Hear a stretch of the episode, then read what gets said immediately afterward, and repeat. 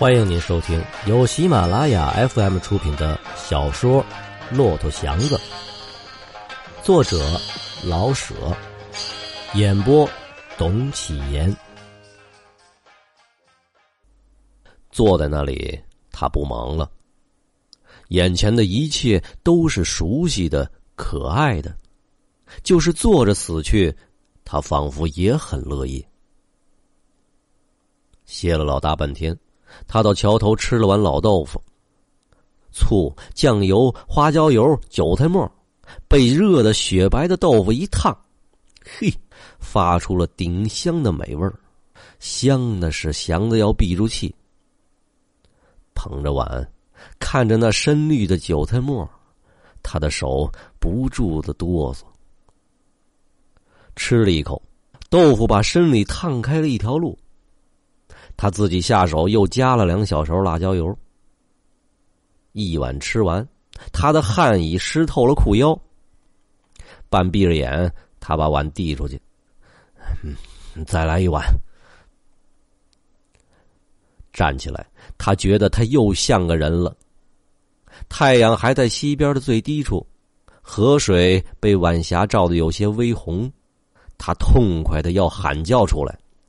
摸了摸脸上那块平滑的疤，摸了摸袋中的钱，又看了一眼角楼上的阳光。他硬是把病忘了，把一切都忘了，好似有点什么心愿。他决定走进城去。城门洞里挤着各样的车，各样的人，谁也不敢快走，谁可都想赶快过去。鞭声。骂声、喊声、喇叭声、铃声、笑声，都被门洞像一架扩音机似的，嗡嗡的连成一片，仿佛人人都发着点声音，都嗡嗡的响。祥子的大脚东插一步，是西跨一步，两手左右的扒拉，像条瘦长的大鱼随浪欢跃那样挤进了城。一眼便看到新街口。道路是那么宽，那么直，他的眼发了光，和东边屋顶上的反光一样亮。嗯，他点了点头。他的铺盖还在西安门大街仁和车厂呢，自然他想奔那里去。因为没有家小，他一向是住在车厂里，虽然并不永远拉厂子里的车。仁和的老板刘四爷是一快七十岁的人了，人老心可是不老实。年轻的时候，他当过库兵，设过赌场，买卖过人口，放过阎王账，干这些营生所应有的资格与本领、力气、心路、手段、交际、字号等等，刘四爷都有。在前清的时候，打过群架。抢过良家妇女，跪过铁锁，跪上铁锁，刘四并没皱一皱眉，没说一个饶命，官司叫他硬挺了过来，这叫做字号。出了狱，恰巧入了民国，巡警的势力是越来越大。刘四看出来，地面上的英雄已成了过去的事儿了，即使黄天霸在世，也不会有多少机会了。他开了个洋车厂子，土混混出身，他晓得怎样对付穷人，什么时候该紧一把，哪里该松一步，他有善于调动的天才。车夫们没有敢跟他耍骨头的，他一瞪眼和哈哈一笑，能把人弄得迷迷糊糊的，仿佛一脚蹬在天堂，一脚踏入地狱，只好听他摆弄。到现在，他有六十多辆车。治坏的也是七八成新的，他不存破车。车租他比别家的大，可是到了三节，他比别家多放着两天的份儿。人和厂有地方住，拉他车的光棍都可以白住，可是得交上车份儿，交不上账和他苦腻的，他扣下铺盖，把人当个破水壶似的扔出门外。可大家若是有个急事急病，只需告诉他一声，他也不含糊，水里火里的，他热心的帮忙，这叫做字号。刘四爷是虎相，快七十了，腰板不弯，拿起腿还能走个十里二十里的，两只大圆眼，大鼻头，方嘴，一对大虎牙，一张口就像个老虎，个子几乎与祥子一边高，头剃得很亮，没留胡子。他自居老虎，可惜没有儿子。只有个三十七八岁的虎女，知道刘四爷的就必也知道虎妞，她也长得虎头虎脑，因此吓住了男人。但帮助父亲办事儿可是把好手。可是没人敢娶她做太太，他什么都和男人一样，连骂人也有男人的爽快，有时候还更多一些花样。刘四爷打外，虎妞打内。父女俩把仁和车厂是治理的铁桶一般，仁和厂成了洋车界的权威。刘家妇女的办法常常在车夫与车主的口上如读书人的引经据典。在买上自己的车以前，祥子拉过仁和厂的车，他的积蓄就交给刘四爷存着，把钱凑够了数，他要过来。买上了那辆新车。刘四爷，看看我的车。祥子把新车拉到仁和厂去。老头子看了车一眼，点了点头。嗯，不灵儿。我可还得在这儿住，多等我拉上包月才去住宅门。祥子颇自豪的说：“行。”刘四爷又点了点头。于是，祥子找到了包月，就去住宅门。掉了事儿，而又去拉散座，便住在仁和厂。不拉刘四爷的车，而能住在仁和厂，去别的车夫看是件少有的事儿。因此，甚至有人猜测，祥子必和刘老头是亲戚。更有人说，刘老头子大概是看上了祥子，而想给虎妞弄个招门纳婿的小人儿。这种猜想里。虽然怀着点妒忌与羡慕，可是万一要是真是这么回事呢？将来刘四爷一死，仁和厂就一定归了祥子。这个叫他们只敢胡猜，而不敢在祥子面前说什么不受听的。其实呢，刘老头子的优待祥子是另有笔账。祥子是这样一个人，在新的环境里还能保持着旧的习惯。假若他去当了兵，他绝不会一穿上那套虎皮，马上就不傻装傻的去欺负人。在车厂子里，他不闲着，把汗一落下去，他就找点事儿做。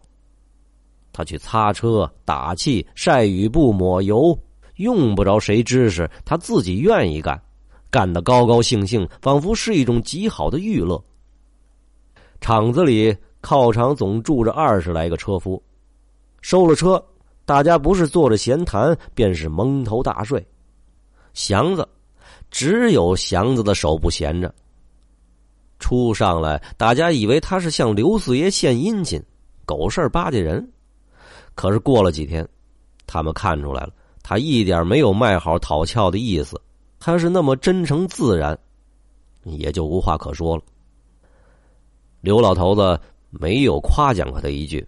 没有格外多看过他一眼，老头子心里可有数。他晓得祥子是把好手，即使不拉他的车，他也愿意祥子在厂子里住。有祥子在这儿，先不提别的，院子与门口永远扫得干干净净的。虎妞更喜欢这个傻大个儿，他说什么，祥子老是用心听着。别的车夫因为受尽苦楚。说话总是横着来，他一点不怕他们，可是也不愿多搭理他们。他的话都留给祥子听。当祥子去拉包月的时候，刘家妇女都仿佛失去了一个朋友。感到他一回来，连老头子骂人也似乎更痛快而慈善一些了。祥子拿着两包火柴进了仁和厂，天还没黑。刘家妇女正在吃晚饭，看见他进来，虎妞把筷子放下了。祥子，你让狼叼了去了，还是上非洲挖金矿去了？祥子没说什么。刘四爷的大圆眼在祥子身上绕了绕，什么也没说。祥子戴着青草帽，坐在他们对面。你要是还没吃，就一块儿吧。虎妞仿佛是招待个好朋友。祥子没动，心中忽然感觉到一点说不出来的亲热。一向他拿人和厂当做家，拉包月主人常换，拉散座。错一会儿一改，只有这里老让他住，老有人跟他说些闲话。现在刚逃出命来，又回到熟人这里来，还让他吃饭，他几乎要怀疑他们是否要欺弄他。可是，也几乎落下泪来。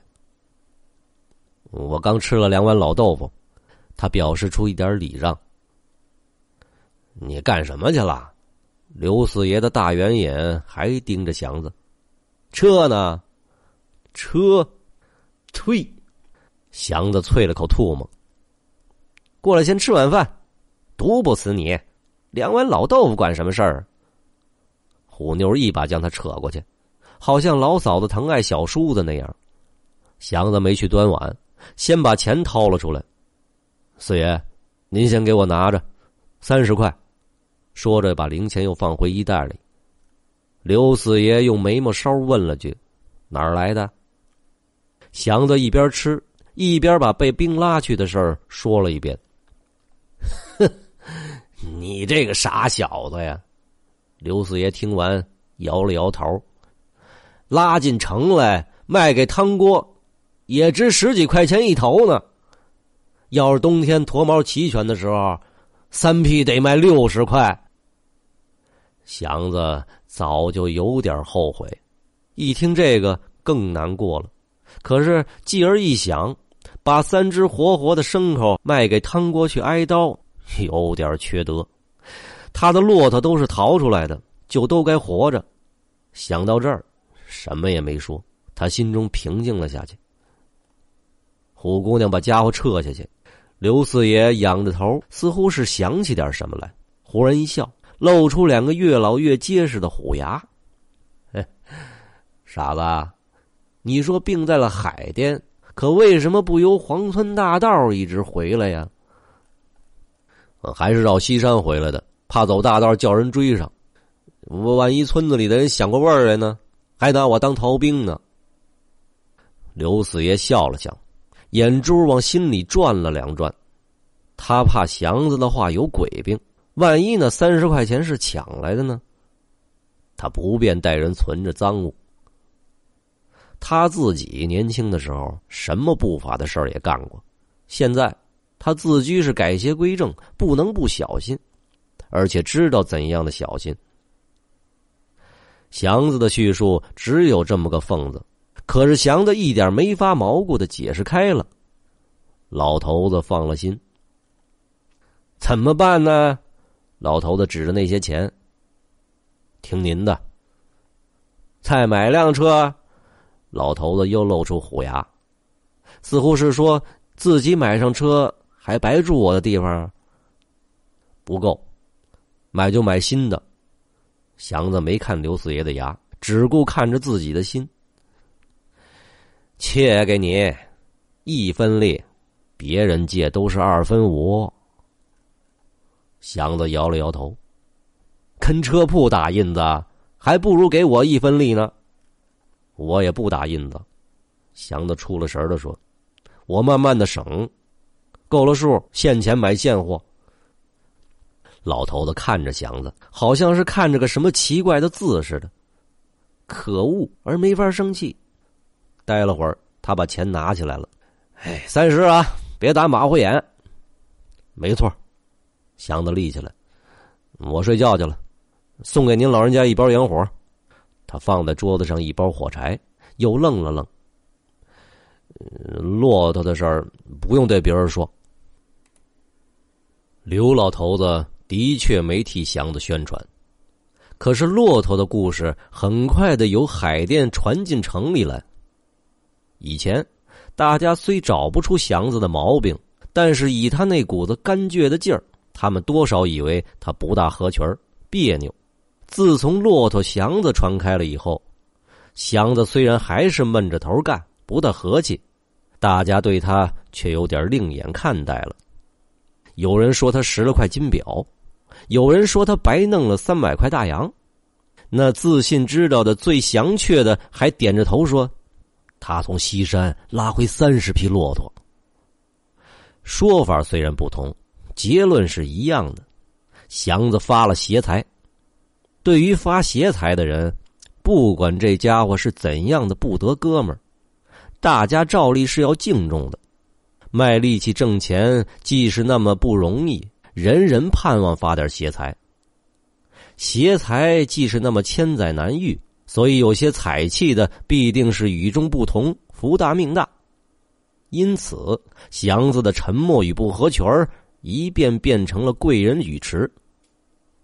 他应当这样，而他们理该赶着他去拉拢。哎，得了，嘿，祥子，说说，说说，嘿，你怎么发的财？这样的话，祥子天天听到，他一声不响，直到逼急了，他那块疤有点发红了，才说：“发财，妈的，我的车哪儿去了？”是，这是真的。他的车哪儿去了？大家开始思索。但是替别人忧虑，总不如替人家欢喜。大家于是忘记了祥子的车，而去想着他的好运气。过了些日子，大伙儿看祥子仍然拉车，并没改了行当，或是买了房子置了地，也就对他冷淡了一些。而提到骆驼祥子的时候，也不再追问为什么他偏偏是骆驼，仿佛他根本就应该叫做这个似的。祥子自己可并没轻描淡写的随便忘了这件事儿，他恨不得马上就能再买上辆新车。越是着急，便越想着原来那辆。一天到晚，他任劳任怨的去干，可是干着干着，他便想起那回事儿。一想起来，他心中就觉得发堵，不由得想到：要强又怎么样呢？这个世界并不因为自己要强而公道一些。凭着什么把他的车白白抢去呢？即使马上再弄来一辆，焉知不再遇上那样的事儿呢？他觉得过去的事儿像个噩梦，使他几乎不敢再希望将来。有时候，他看看别人喝酒、吃烟、跑土窑子，几乎感到一点羡慕。要强既是没用，何不乐乐眼前呢？他们是对的，他即使先不跑土窑子，也该喝两盅酒，自在自在。烟酒现在仿佛对他有种特别的诱惑力。